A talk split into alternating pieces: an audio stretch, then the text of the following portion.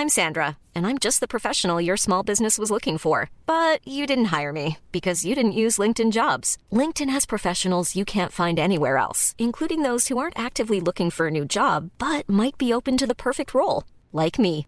In a given month, over 70% of LinkedIn users don't visit other leading job sites. So if you're not looking on LinkedIn, you'll miss out on great candidates like Sandra. Start hiring professionals like a professional. Post your free job on linkedin.com/people today. Planning for your next trip?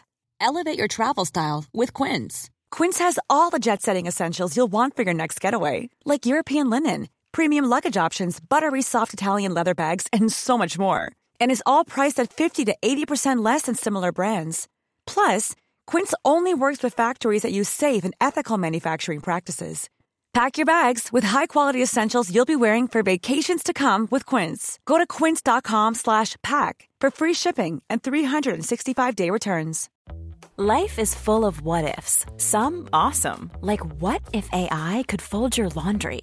And some, well, less awesome, like what if you have unexpected medical costs? United Healthcare can help get you covered with Health Protector Guard fixed indemnity insurance plans. They supplement your primary plan to help you manage out of pocket costs. No deductibles, no enrollment periods, and especially no more what ifs. Visit uh1.com to find the Health Protector Guard plan for you.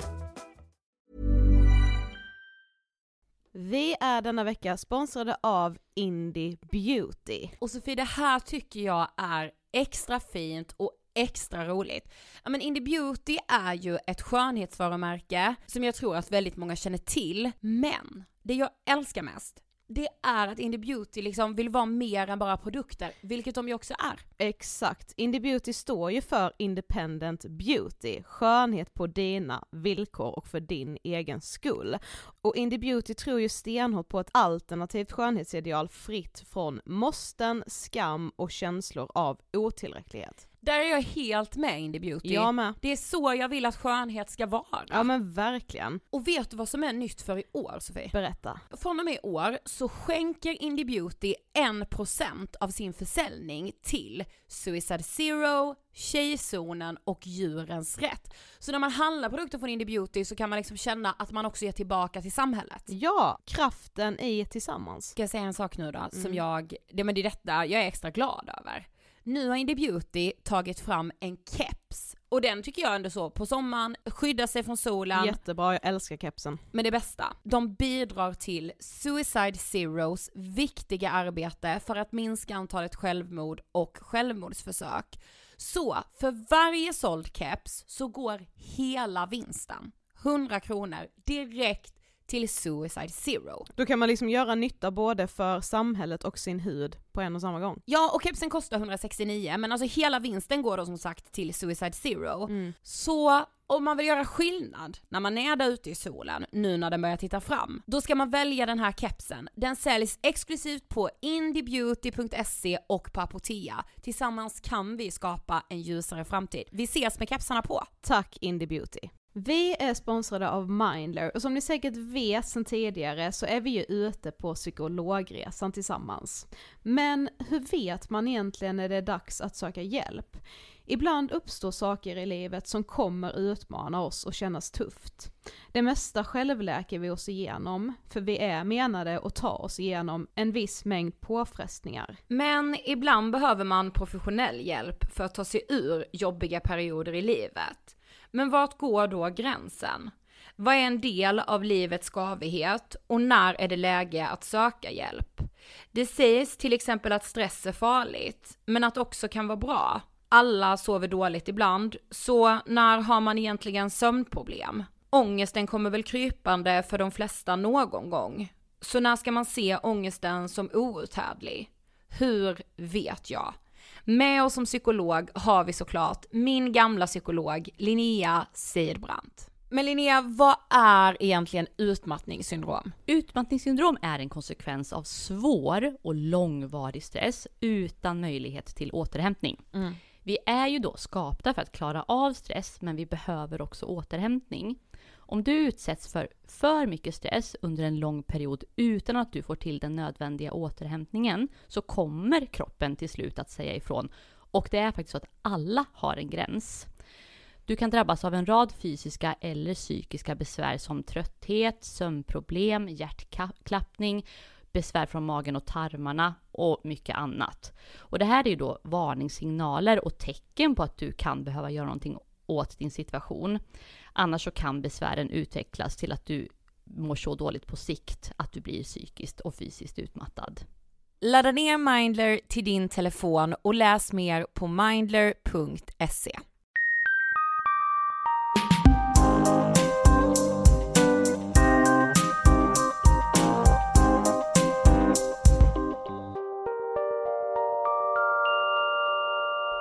och välkomna till avsnitt 46 av Ångestpodden! Hej! Du sitter verkligen och flinar. Håller på att dö av skratt nästan. Varför det? För att jag tänker på social media party på eh, lördag. Ja. Vet ni vad, när ni hör det här, om ni lyssnar på torsdag när det här släpps, så skulle vi bli så extremt glada om ni gick in och röstade på oss på social media gala som årets podcast. Mm, det skulle betyda allt. Ni går in på www.socialmediaparty.se snedstreck gala. Eller så här på hemsidan står det typ rösta. Ja, ni får scrolla ner lite. Så ser ni rösta-knappen där. Mm. Väldigt enkelt. Ja. Mm. Ja, det Och- börjar dra ihop sig. Vi skulle bli jätteglada om ni kom också på lördag. Mm. Och eh, kollade på vår livepodd. Mm. Den kommer bli skitkul. Det tror jag med. Mm. Vi knäckte lite idéer idag. Lite spexig. Mm. Usch, utlova. Man bara lite dans, lite. Ja, nej det blir säkert jättebra. Mm, och det ska bli skitkul att träffa er om ni kommer. Mm. Vill säga. Vad har du gjort idag?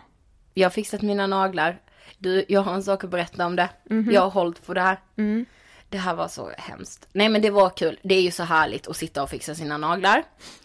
Eh, nej men det, det är verkligen det är terapi för mig. Speciellt idag. För då gick jag till ett ställe i gallerian. Ni vet sån här grej om man går in bara. Alltså det bara är där. Liksom. Lite dropp eller? Ja, drop in ja. Nageldrop in. Och du vet så här. I, viss, I vissa gallerier, det, det följer med inredningen, den nageldelen tror jag. I alla fall, jag kom in så här, jag bara, hej hej, har ni tid nu? De bara, ja men vi har tid. Jag måste ju ha nyfixade naglar nu till den här galan, that's why. Kommer in. Hon bara, ja men slå dig ner så här. Kommer det in en man. Jag bara, hej hej. Nej då visade det sig, han kan inte svenska. Och lite lite engelska.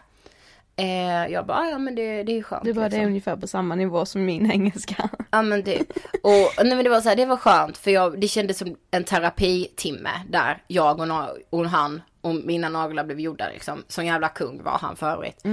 Ja, och bara, men du får välja färg här, får man en sån färgkarta ni vet. Och jag bara pekar bara, men den vill jag ha för jag ska ha röd klänning. Så då passade det med den, här beigea färgen. Bara, ah, okej. Det är bara det att när mannen tar fram och ska börja måla mina naglar, då är skiten rosa. Och jag sitter där och jag tycker så synd om honom. Och jag bara, han fa- kommer ju inte ska jag bara no no, alltså så här, liksom äh. Eller ropa på henne kändes ju mer typ respektlöst. Så jag säger ju inget.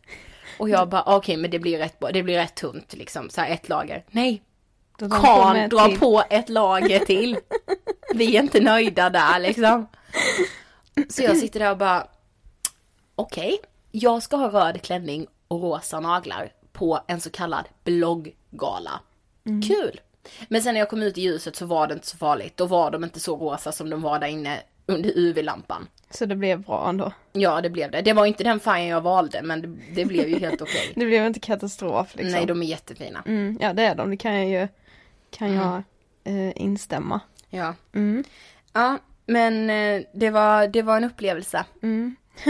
Nej men så här, jag ville verkligen inte, det kändes som att jag skulle förolämpa hela hans arbete om jag bara, det är fel typ. Det hade jag ju inte gjort. Nej. Det hade ju varit helt normalt egentligen, men alltså där har jag en spärr.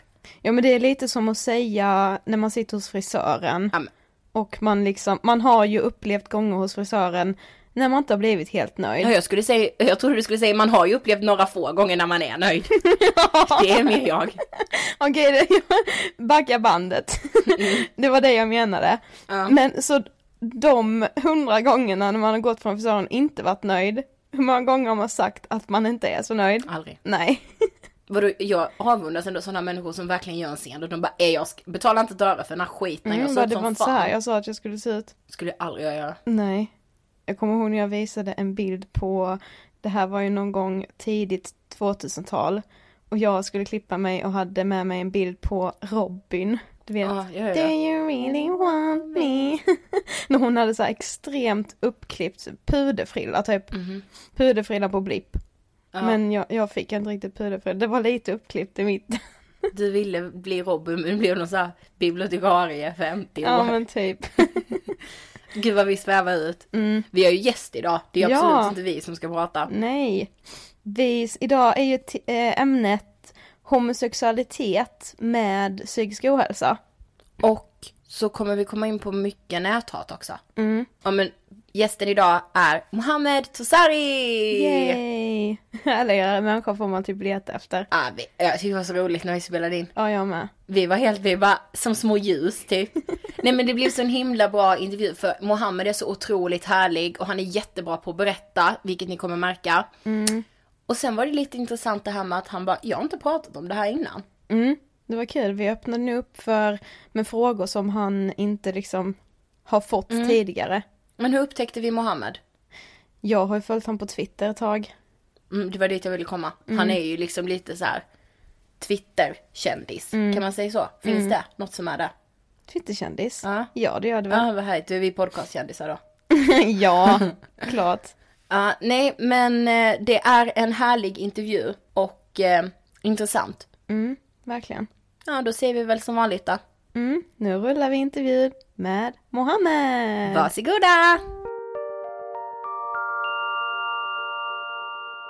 Hej Mohammed och välkommen till Ångestpodden! Hej hej och tack tack.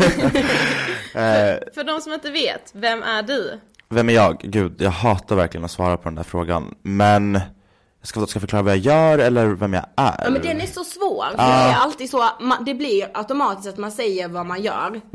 För det är så här, vem är du? Det är så svårt att typ ringa in, så berätta vad du gör. Det är som när man sitter så här i mellanstadiet, man satt i en ring och ska, skulle presentera sig själv. Det var så jäkla pinsamt.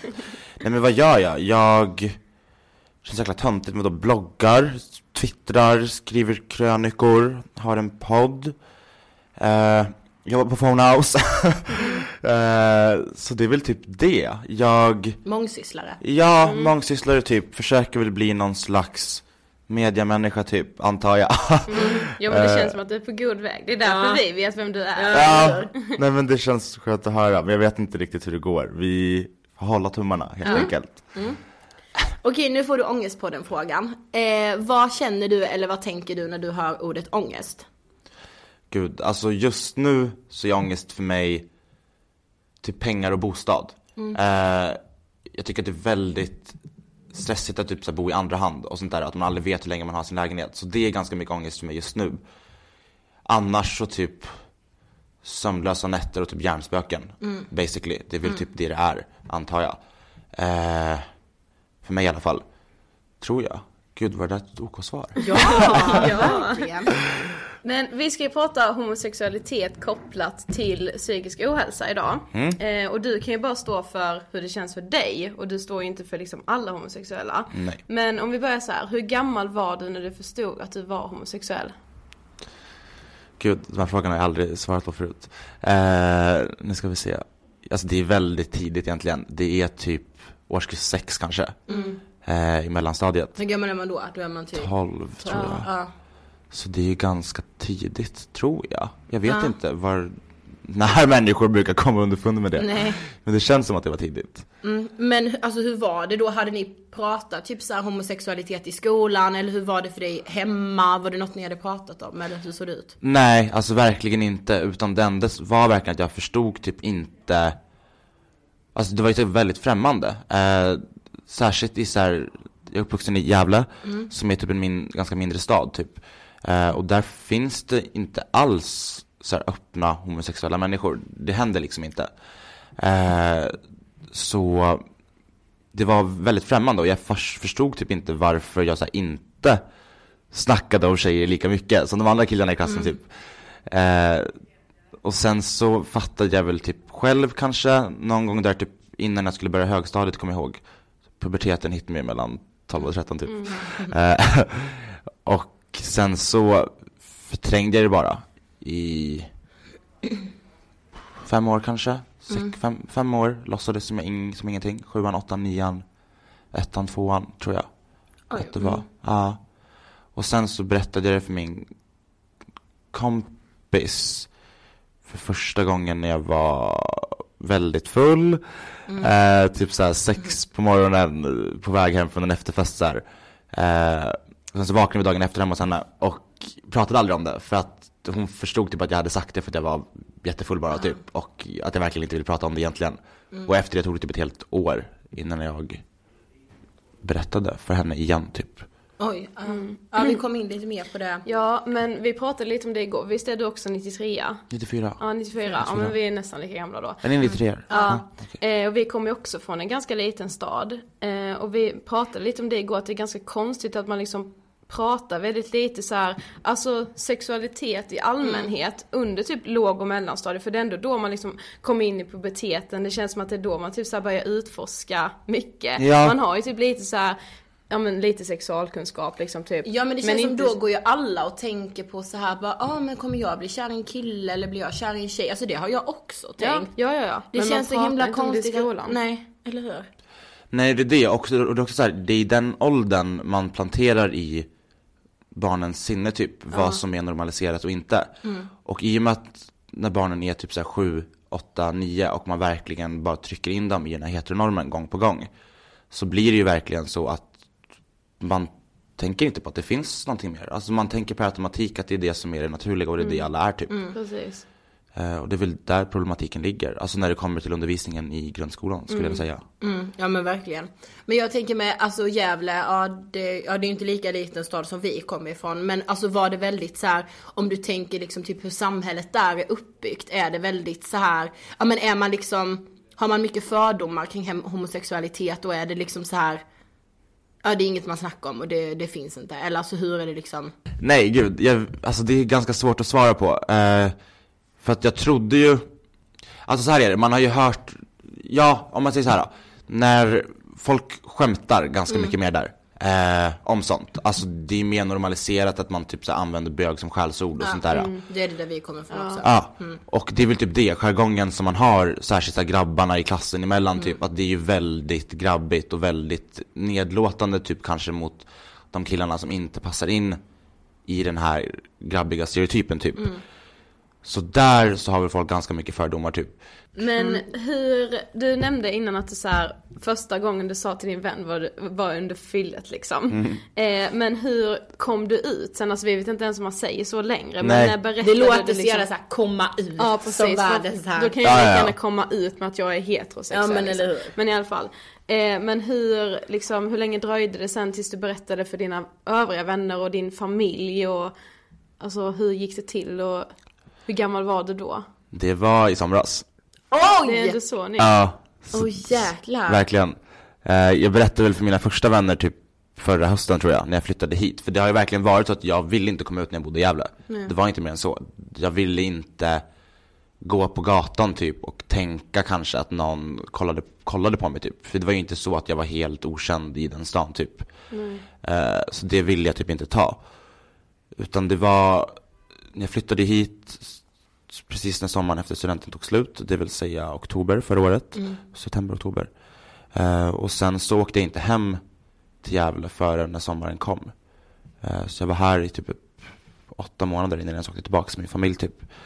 Och då var det första natten när jag låg i mitt pojkrum, eh, sen hade jag flyttat hemifrån, som jag verkligen så började reflektera över hela livet som jag hade byggt i Stockholm typ. Och att det var så här, det var ingen som brydde sig om att jag var gay liksom. För det var jag öppen med här i Stockholm. Så det var jag liksom, men inte så här för allmänheten.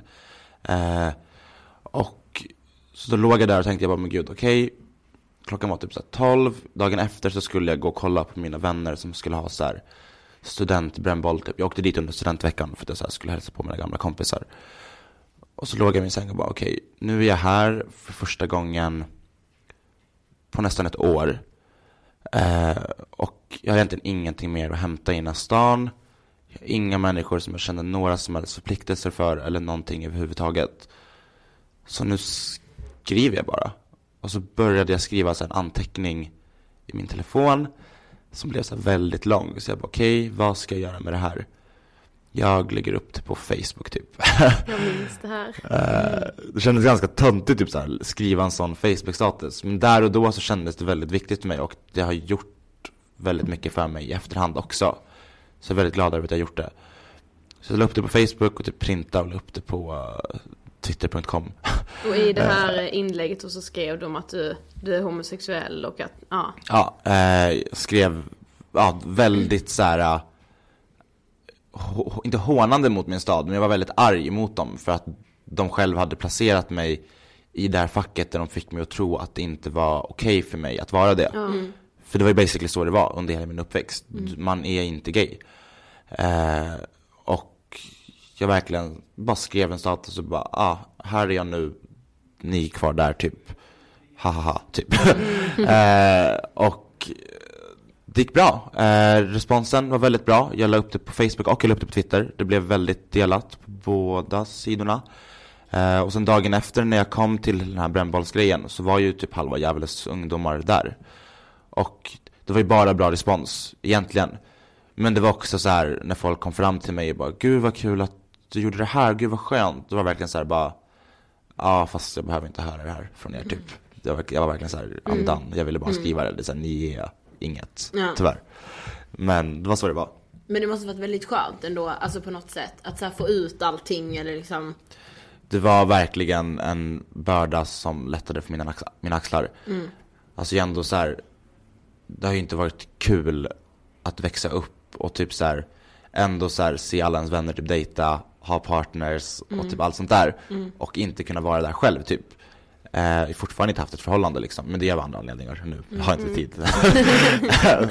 eh, så det har väl gjort att det var ja, väldigt lättande liksom, men också så väldigt tråkigt för jag gick ju miste om en ganska stor del av ens ungdom skulle jag säga. Det är kul med tonårsflörtar och romans i den åldern liksom. Och det fick jag inte vara en del av, tyvärr. Så det sög väl, I guess. Men hur blev reaktionerna från din familj då? Eh, Fick grejen... de också reda på det här när du liksom la upp det här Facebook-inlägget eller hade du pratat med dem innan? Nej, det har jag inte gjort och to be honest har vi faktiskt aldrig pratat om det. Nej. Eh, men grejen när jag skrev den här statusen typ så skickade min mamma ett sms till mig dagen efter. Hon hintade ganska mycket om att hon hade läst det typ. Och mina systrar lika så, så jag antar att de vet typ. Men vi har inte pratat om det, det har vi faktiskt inte gjort. Eh, varför vet jag inte. Men... Nej, men på så den här samtidigt- podden sen och bara what? Ja, Det är verkligen. så här, vad är det att prata om? Alltså Ja, egentligen, alltså det blir så egentligen. himla big deal om ni ska sitta och bara Okej, nu var det det här med min läggning. Liksom, alltså, varför Ja. ska, man, varför ska Ja. man göra så stor Eller grej av det? Nej, så är det ju verkligen. Eh, och sen så, nej jag förstår verkligen inte alls varför man ska göra världens Nej. grej av det. Men tyvärr så, grejen är den att det är ju så pass laddat. Eh, Och särskilt, nu har kanske ni har lite svårt att relatera till just det, men när det kommer till så här uh, muslimska bakgrunder typ, så är det lite mer konservativt tänk när det kommer till läggningar. Men grejen är den, jag har ingen aning egentligen om vart mina föräldrar står. Jag har ingen aning om det är okej för dem eller om de är så här helt emot det typ. För att vi har inte pratat om det under min uppväxt. De har inte hintat eller något sånt där heller om sånt. Så jag har faktiskt ingen aning. Det är nog därför jag inte har pratat om det. Och sen så, om jag ska vara ärlig, så har jag inte så jättebra kontakt med mina föräldrar. Så jag, det är inte så, jag lägger inte så stor tanke vid det liksom, om, jag, om de vet eller inte. Så, så är det. Många undersökningar visar att eh, så här, människor som placerar sig, eller som placeras, jag vet inte riktigt hur man säger, inom så här HBTQ-spannet, att de har en nära koppling till psykisk ohälsa. Har du själv någon koppling till psykisk ohälsa? Ja, alltså Fast du på, menar du liksom i samband med min läggning eller typ Nej det behöver överlag? inte vara. Nej. Men det, det, alltså det, är- när, när studier har gjorts så har det visats att många som är ja, men homosexuella, bisexuella, eh, trans eller queer, Mm. Ja, var det för det? ja, ja, Eh, att de har eh, angivit att de har en koppling till psykisk ohälsa. Sen om det beror på läggningen eller så, det vet man kanske inte. Men eh, Nej, nej men ja, jag vet som sagt inte hur det är för alla andra men Nej. totally agree när det kommer till mig. Alltså dels så har jag ju fortfarande väldigt, alltså jag har ju ångest dagligen liksom. Och det är ju över Alltså det är ju ofta, alltså man mår väl dåligt ofta, antar jag. Eh, Jag kan liksom ligga hemma och så här, och inte ha någon aning om varför jag mår dåligt typ, men att det händer. Eh, Och det är, så här, det är ganska jobbigt för man vet liksom inte varför, utan det är bara Man ligger där och så tänker dumma tankar typ eh, Av någon helt så här, dum anledning egentligen, som inte bottnar sig i någonting Men ja, det skulle jag väl säga. Och sen så har jag ju varit, alltså haft en träningssjukdom, kan man säga så? Eh, och det var väl ganska mycket psykiskt också. Eh, och When you're ready to pop the question, the last thing you want to do is second guess the ring. At Bluenile.com, you can design a one of a kind ring with the ease and convenience of shopping online. Choose your diamond and setting. When you find the one, you'll get it delivered right to your door. Go to Bluenile.com and use promo code LISTEN to get $50 off your purchase of $500 or more. That's code LISTEN at Bluenile.com for $50 off your purchase. Bluenile.com code LISTEN. Planning for your next trip? Elevate your travel style with Quince. Quince has all the jet setting essentials you'll want for your next getaway, like European linen, premium luggage options, buttery soft Italian leather bags, and so much more. And it's all priced at 50 to 80% less than similar brands. Plus, Quince only works with factories that use safe and ethical manufacturing practices. Pack your bags with high-quality essentials you'll be wearing for vacations to come with Quince. Go to quince.com slash trip for free shipping and 365-day returns. Hiring for your small business? If you're not looking for professionals on LinkedIn, you're looking in the wrong place. That's like looking for your car keys in a fish tank. LinkedIn helps you hire professionals you can't find anywhere else, even those who aren't actively searching for a new job but might be open to the perfect role. In a given month, over 70% of LinkedIn users don't even visit other leading job sites. So start looking in the right place. With LinkedIn, you can hire professionals like a professional. Post your free job on linkedin.com slash people today. Ortodoxi hette det. Mm, jag har faktiskt haft ett avsnitt om Det är så? ortodoxi. Ja. med vem då? Lisa Lisa. Essay. Lisa? okej. Eh, ja, nej men så det, så det är väl också en faktor, antar jag. Ja. Eh, men ja, kopplingen finns väl där, antar jag. Vad den beror på är jättesvårt att säga faktiskt. Intressanta undersökningar, vadå, vad menar de? Alltså att man... Alltså att många har uppgivit det i alla fall. Alltså inte att det finns, inte att de har uppgivit att det är just det sambandet. Nej. Men, eh, Men jag tror det har mycket att göra med just det här liksom, ja men skammen, att man liksom inte vet hur samhället ska reagera, typ man är rädd för vad familjen ska säga, så går man och bär på det som du själv sa att du, du liksom trängde undan det i fem år. Av vilken anledning liksom? Det blir den här, ja men ja, att man inte kan vara sig själv tror jag det handlar om mycket. ja det tror jag också. Nej men så är det ju, alltså en väldigt jobbig tanke jag har ofta är ju typ så här att mina straighta killpolare typ så här ska tro att jag är ute efter dem. Ja. Eh, och det är verkligen den värsta tanken jag har och det tänker jag tyvärr ganska ofta. Typ så här om jag har bråkat med någon av mina vänner typ, eller typ vi tjafsar. Så kan jag vara så här typ okej, ska jag ta upp det här med den här personen eller kommer den här personen tycka att jag är överkänslig och typ tro att jag har känslor för den? Och det är en ganska, det är jävligt, en jävligt dum tanke. Eh, som jag har väldigt ofta. Och det behöver liksom inte ens vara en ytlig vän utan det kan liksom vara mina närmsta vänner. Även fast jag liksom egentligen vet att det är klart att de inte tror det. Så börjar jag liksom tänka så ändå. Och det är sjukt orimligt för att ja, så är det ju liksom inte, tror jag i alla fall. Och det är väl en ganska jobbig grej, antar jag. Men vi nämnde ju att vi ska prata lite näthat Mm. med dig också. Spännande. Ja, när blev liksom, jag vet inte om du själv skulle kalla dig en offentlig person, men, ja, men du, du är ganska stor på sociala medier liksom. Mm. När blev du det? Eh, inte tillräckligt stor för att bli bjuden på den här sociala mediegalan som är i december. Där vi är nominerade, så rösta på oss. Ja, rösta, rösta på dem. För jag är inte ens inräknad som gäst tydligen, varken jag eller min poddpartner Emmy, tyvärr. Eh, men, åh gud. I så fall skulle väl det vara, alltså, jag har väl ish, jag hade en ganska stor blogg för några år sedan. Eh, med typ så här 30 000 unika i veckan. Eh, låg typ så topp tre på nattstad. Men den var helt galen, alltså jag hade inga gränser. Alltså, Men det älskar man ju. Eh, så där blev jag väl lite igenkänd. Då, då började jag bli så här bjuden på lite blogggalor och sånt där och det var ganska kul.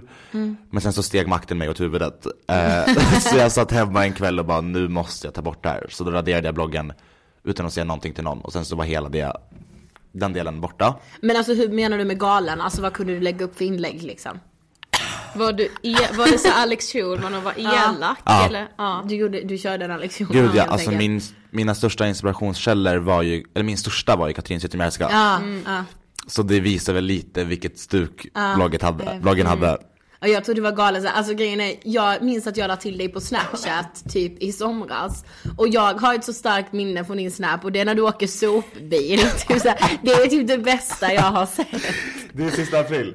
Ja, ja det var så. Ja. Den, sopbilen, jag har åkt den två gånger faktiskt. Men den står alltid, om ni vill åka så står den vid Hötorget 03.00, mellan 03 och 04. Om det jag vet inte det är på vintern nu. Men den brukar stå där och de är väldigt villiga att låta en åka med. Så jag, ja, ja, alltså han ser att jag är där. Så hoppar vi på där bak och sen så kör vi några varv. Vi åkte ju typ en kvart senast. Och det var även anledningen till att du la till Mohammed på snap. Det var såhär du bara, du måste följa och jag bara, det måste jag. Det var verkligen så. Nej men det är kul. Eh, det är jättekul. Eh, jag rekommenderar verkligen att åka sopbil. Nykter eller full, det spelar inte så stor roll. Väldigt Och, kul. men om vi återgår till det här med näthatet. Mm. Eh, om vi har förstått saken rätt så har du blivit utsatt för ganska så mycket hat på internet. Mm. Eh, kan du berätta lite mer så specifikt om det? Absolut. Eh, om man ska säga, när jag väl tog steget in i det riktiga offentliga var väl när jag landade min reportertjänst på Nyheter 24 Mm. eh, och började skriva mina krönikor där som blev de absolut mest delade på hela sidan. Eh, och det var ju, alltså så här är det, jag hade kunnat, alltså budskapet i det jag skrev, väldigt så här feministiskt och uh, vänsterpropagerande såklart. Eh, men jag hade ju kunnat skriva sakerna lite mindre provocerande. Eh, men jag vet ju själv, jag vet allt, jag vet hur jag ska spela mina kort för att saker ska bli delat. Det vet jag. Så jag skrev ju det jag menar och det jag står för.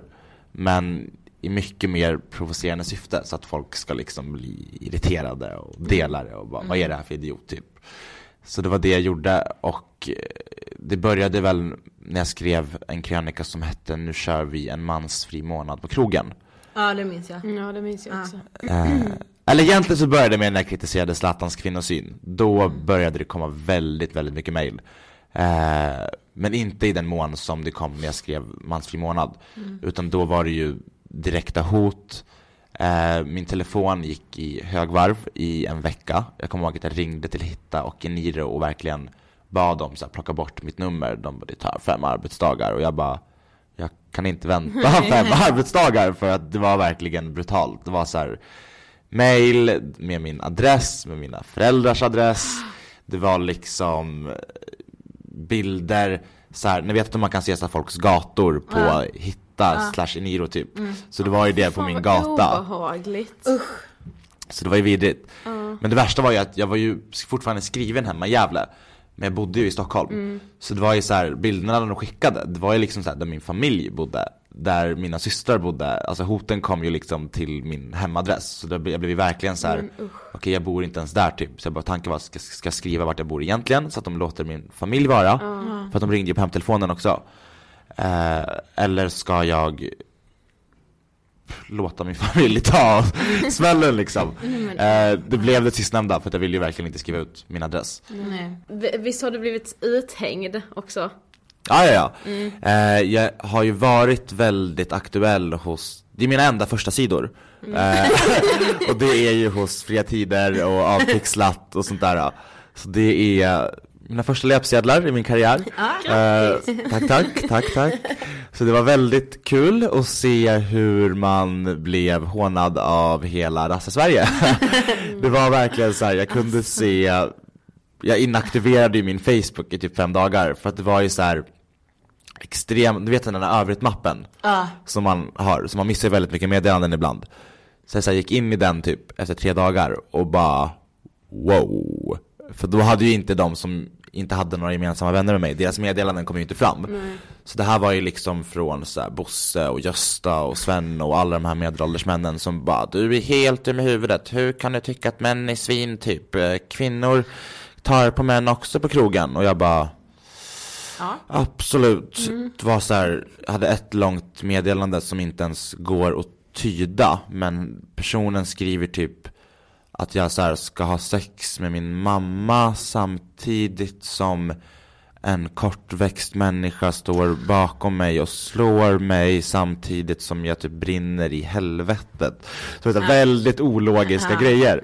Mm. Eh, och det rinner av ganska lätt, det gör det faktiskt. Så jag tar inte så mycket på det. Det är mer, jag tar ju mer på om någon ska så kritisera det jag gör och säger så här, du är väldigt, du kan inte skriva. Mm. Alltså typ sånt, alltså så när de kritiserar mitt arbete liksom, Mm. då är det så här, oj, för då är det verkligen mitt verk. Mm.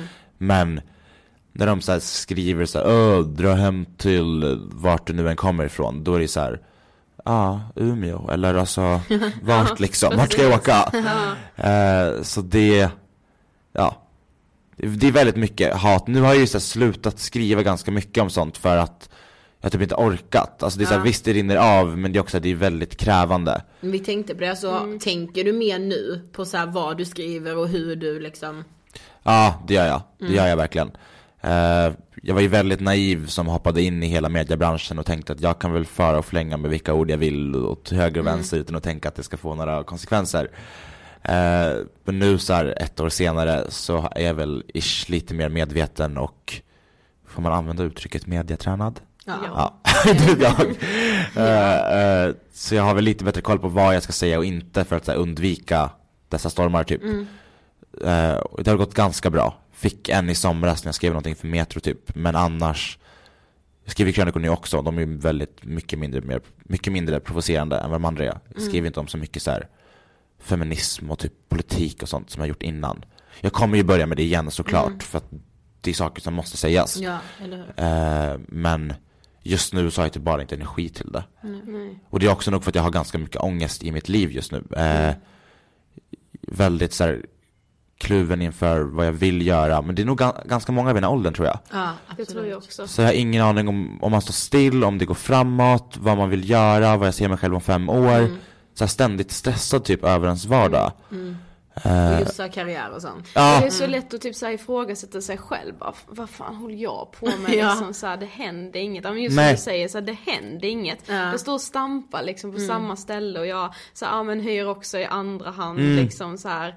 Ja. Det är så lätt att bli självkritisk tror jag i den här åldern för det är ändå, man har ändå vänner som typ gör karriär. Ja. Alltså, det finns så många man kan jämföra sig med om man Ja. är ute på sociala medier som du säger, man läser bloggar och man bara Ja, där åker hon iväg på sin drömsemester. Nej ja, man bara liksom- okej nu har Kinsa spelat in en julsång för Nelly och här står jag och sjunger i duschen. Ja, Så- men, men det är verkligen så. Alltså, särskilt alltså främst i Stockholm skulle jag väl säga, alltså karriärshetsen bland oss unga, särskilt i alla fall inom mediebranschen skulle jag säga, som båda vi är i, i är ju väldigt såhär, man kollar ju väldigt mycket på andra. Jag gör det i alla fall. Mm, Ja, ja, ja. Det gör Och jäm- Jag också. Jag tror faktiskt att de som påstår att de inte gör det, de ljuger. Ja, Ja. ja. Så är Ja. de ljuger. Ja. Det är våra ord och ingen annans. Nej, men det är verkligen så. Jag sitter ju ständigt och så här går in på folks bloggar och så här går in på folks poddar och bara okej, varför är de där på topplistan och inte jag? Och varför gör de det här och inte jag? Vad gör jag för fel? Och man sitter ju verkligen och jämför sig med, och särskilt när man har så här vänner och bekanta som så här typ gör lite mer karriär än själv. Det är klart att jag undrar om det. Jag vill, vill ju ingenting annat än att mina vänner ska lyckas. Men jag blir ju också så här, gud varför är inte jag där? Än typ. Exakt. Så det är ganska ångestgivande, så jag måste nog så här landa lite mer i mig själv, tror jag, innan jag börjar så här ge mig ut politiska debatter till höger och vänster, för jag vet ju att det ger mig ganska mycket medialt utrymme. Eh, och då måste jag vara redo för det typ. Ja. Så, jag måste, så, jag, så jag ligger lite lågt just nu. Men det är nog klokt. Ja. Ehm, det är väldigt starkt tänkte vi att så här fortsätta vara aktiv på sociala medier och fortsätta liksom sticka ut hakan eller vad man säger. Eh, alltså hur är ditt tänk kring det? Tänker du så ja ah, men de ska inte få vinna så jag fortsätter köra ändå? Eller hur blir man så stark liksom? Alltså dels det såklart, alltså det funkar ju inte att lägga sig, tycker jag. Alltså det är så, jag skulle inte kunna radera mina konton för att de vill att jag ska göra det. Det händer liksom inte. Nu lyckades ju de med det förra hösten, jag inaktiverade mina konton. Men det var ju liksom, alltså då, då var det ju för mycket. Alltså det var ju så här, då hade jag ju panik. Jag kommer ihåg att jag låg hemma, alltså jag kommer ihåg att jag skrev krönikan på måndagen, det började eskalera på onsdagen. Och typ på fredagen så liksom lämnade jag inte min lägenhet på fredag, lördag, söndag för att det enda jag såg var så här skämtbilder om mig på så här rastsidor på nätet typ med så här 10k likes som så här spreds över hela Sverige typ. Eh, Såklart bara, eller främst av högerextremister. Men det var ju liksom inte kul. Och jag kände ju så här typ det var ju paranoid, så jag gick utanför dörren och bara Gud, alla kollar på mig, alla vet vem jag är, alla hatar mig typ. Eh, Så var ju, då mådde jag ju skitdåligt faktiskt om jag ska vara ärlig. Eh, Min kompis frågade mig faktiskt för några veckor sedan, hon bara, vad är det värsta som har hänt dig i ditt liv? Och det är nog förra höstens hatstorm. Alltså mycket bråk med föräldrar och rektorer och sånt där under uppväxten liksom Men ingenting som har, som går att mäta sig med det där. För det var ett drev som jag verkligen inte var beredd på. Inte alls. Nej, jag tänker när man hamnar i den situationen blir det liksom att man typ känner något så här, alltså blir man extremt mycket mer självkritisk i de lägena eller typ så här känner man liksom bara ah, ännu mer så här, vad håller jag på med eller blir det mest bara den här rädslan för att någon ska göra någonting med den? Alltså, det som är skönt, det är att jag verkligen ser vilka det är som hatar och inte. Så jag vet ju att den vettiga delen har jag ju bakom mig. Eh, och då gör det inte så mycket om den ovettiga delen, det vill säga de här idioterna som skickar de här hoten och skriver de här dumma grejerna, inte gillar mig och inte bryr sig. Så det tar inte på mig så mycket så. Och att bli självkritisk av det, nej, för då vet jag att det jag gör är bra, för annars hade jag inte haft de här människorna bakom mig. Okej, sista frågan. Vad inspirerar dig? Inspirerar mig? Alltså det är väl mer, hmm. gud. Alla tycker den är så svår. Ah, Det är kul. men jag måste tänka här nu, varför började jag göra det jag gjorde? Eh, först så blev jag väl avundsjuk på hela det glamorösa Stockholmslivet, men det inspirerade väl mig när jag var 16-17 liksom. Nu är det väl mer, alltså nu är det inte så, alltså ska jag vara helt ärlig så är det inte så mycket inspiration just nu, utan nu är det mer driv. Alltså det är så här, det börjar bli väldigt mörkt i Sverige tycker jag, Eh, rent politiskt. Eh, och det är väl mer kampen av att typ, det får inte hända. Men annars så är det ju såklart alla fantastiska människor som liksom som jag ser upp till. Eh, som håller på med det jag vill jobba med liksom. Som skriver de grejerna som bör skrivas, som gör de sakerna som bör göras liksom. Eh, väldigt luddigt svar, men jag har liksom inga indirekta namn så. Ehm, men bara alltså viljan av att vilja förändra, skulle jag nog vilja säga. I think so. Tack för att du ville gästa Ångestpodden. Tack för att jag fick vara med. Fan vad han är härlig. Mm, verkligen. Jag är nöjd med den här intervjun måste jag säga. Ja men jag med, jag tycker det var så kul att träffa honom faktiskt. Mm, verkligen. Vi vill ju bara klargöra en sak med det här avsnittet och det är ju att Mohammed kan ju inte prata för alla homosexuella och vi menar inte heller att bara för att man är homosexuell så lider man av psykisk ohälsa. Nej, precis som vi sa i intervjun så finns det studier som visar på att det finns en koppling och då har inte det att göra med att man är homosexuell. Utan vi tänker oss mer att det givetvis har att göra med hur samhället ser på homosexualitet och att det fortfarande är ganska tabu och att det finns mycket fördomar. Mm, och att det liksom känns som ett skrämmande ämne, speciellt när man är så ung som jag tror många är när de faktiskt upptäcker att de är homosexuella. Det blir så här, det var ju som Mohammed också säger att man blir liksom inlärd i det här pojke, flicka och Ja. liksom allt det här med hur man blir Gud, till och liksom. Ja, så, det ja. blir så det blir så fel redan liksom i skolan. Ja. Så, ja. Alltså det är så sjukt. Ja. Jag fattar inte varför man bara inte kan ha det mycket mer så här neutralt. Alltså, Nej, alltså jag kommer ihåg första gången faktiskt när vi hade så här sexualkunskap. Det var ganska tidigt, det var nog i femman eller sexan. Och då hade vi en eh, kille som kom till oss som hette Kondomjeppe. eller han kallades för jag, det. du, är- jag tycker det är så sjukt. Ja, Alltså. för att han typ delade ut kondomer och alla det bara, "Åh, låter, kondomer. alltså, ja det låter svinläskigt. Ja, men och då hade vi lite så här, men vi pratade väl typ kanske lite om mens och om sex och så. Mm. Eh, men vi pratade ju inte homosexualitet. Nej. Det vet jag liksom att vi inte gjorde. Nej. Och det är så konstigt, man kanske gör det idag, det hoppas men- jag. Ja men jag hoppas inte att det är så här heller. Idag ska vi prata homosexualitet. Nej. Som att det är så här något exotiskt. Nej, precis. typ. Alltså det är så här, ja och sen kanske man blir kär i en kille och sen kanske man blir kär i en tjej och sen så så- kanske båda är tjejer som blir kära i varandra och Ja. det är så. Sen kanske du helt- ena gången är kär i en kille, nästa gång är du kär i en tjej. Ja, alltså, så här. Det, är så här, det behöver inte bli en grej, det är så här, ja nu har du fyllt 10, då ska du även komma ut med, vilken läggning har du Sofie? Ja. Är du hetero eller är Ja du men alltså det är så här. Det är så här, vad fan. Samtidigt som när man är ung så kan jag verkligen tänka mig att bara, nej nej nej, nej. Alltså så här, att det blir så. Ja men man kan ju hoppas som typ så här, ja men om vi tänker rimligt, typ 10 år. Mm. Då är det liksom inte en tanke som någon har för att det är så här, ja whatever liksom. Tror du tio år? Det är fett lite. ja okej det är rätt lite. 20 då. Vi är wish. 20 år. I wish. Mm, vi kan hoppas. Ja men alltså vi måste tacka Mohammed också. Tack så jättemycket Mohammed för att du gästade oss. Ja det var jättekul att träffa dig. Vi vill slå ett slag för inget filter. Vi lanserade förra onsdagen. Och eh, alltså tusen, tusen, tiotusen miljoner tack. Alltså ni är så underbara. Nu blir det här geggigt känner jag. Men jag måste verkligen vara, vi är så överväldigade och så tacksamma för alla fina ord från er. Alla ni som har delat det vi har lagt upp. Då tänker jag framförallt på den här filmen vi har gjort. Eh, ja, och det känns så jäkla skönt bara att kunna jobba vidare med det här. Mm, ja, så tack för alla delningar och all uppskattning. För det uppskattas väldigt mycket tillbaka. Eh, om ni har missat så kan ni gå in på Inget Filters Facebook-sida. Eh, så sök bara på Inget Filter så får ni massa information där. Ni kan läsa vår blogg på now.se slash ingetfilter. Och vi lovar att det inte kommer vara typ bantningstips där. Inget sånt shit. Nej, in- inget sånt. Och så kan ni ju såklart besöka vår hemsida ingetfilter.se. Way! Och fortsätt följa oss på Instagram såklart. Ida Hockeystrand heter jag och Sofie heter Sofie Hallberg.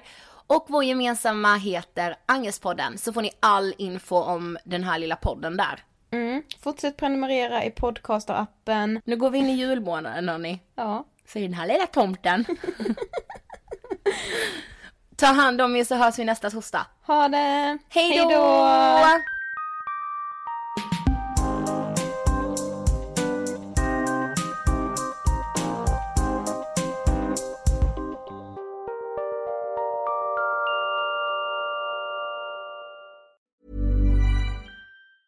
Planning for your next trip? Elevate your travel style with Quince. Quince has all the jet setting essentials you'll want for your next getaway, like European linen, premium luggage options, buttery soft Italian leather bags, and so much more. And is all priced at 50 to 80% less than similar brands. Plus, Quince only works with factories that use safe and ethical manufacturing practices.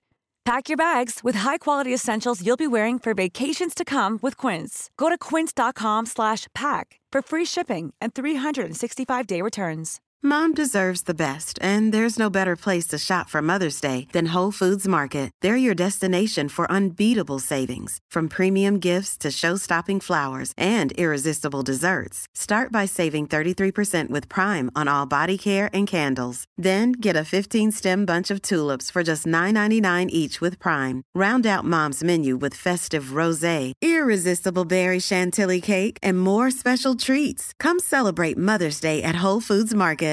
Imagine the softest sheets you've ever felt. Now imagine them getting even softer over time. That's what you'll feel with Bowl and Branch's organic cotton sheets. In a recent customer survey, 96% replied that Bowl and Branch sheets get softer with every wash. Start getting your best night's sleep in these sheets that get softer and softer for years to come. Try their sheets with a 30-night guarantee. Plus, get 15% off your first order at bowlandbranch.com. Code BUTTERY. Exclusions apply. See site for details.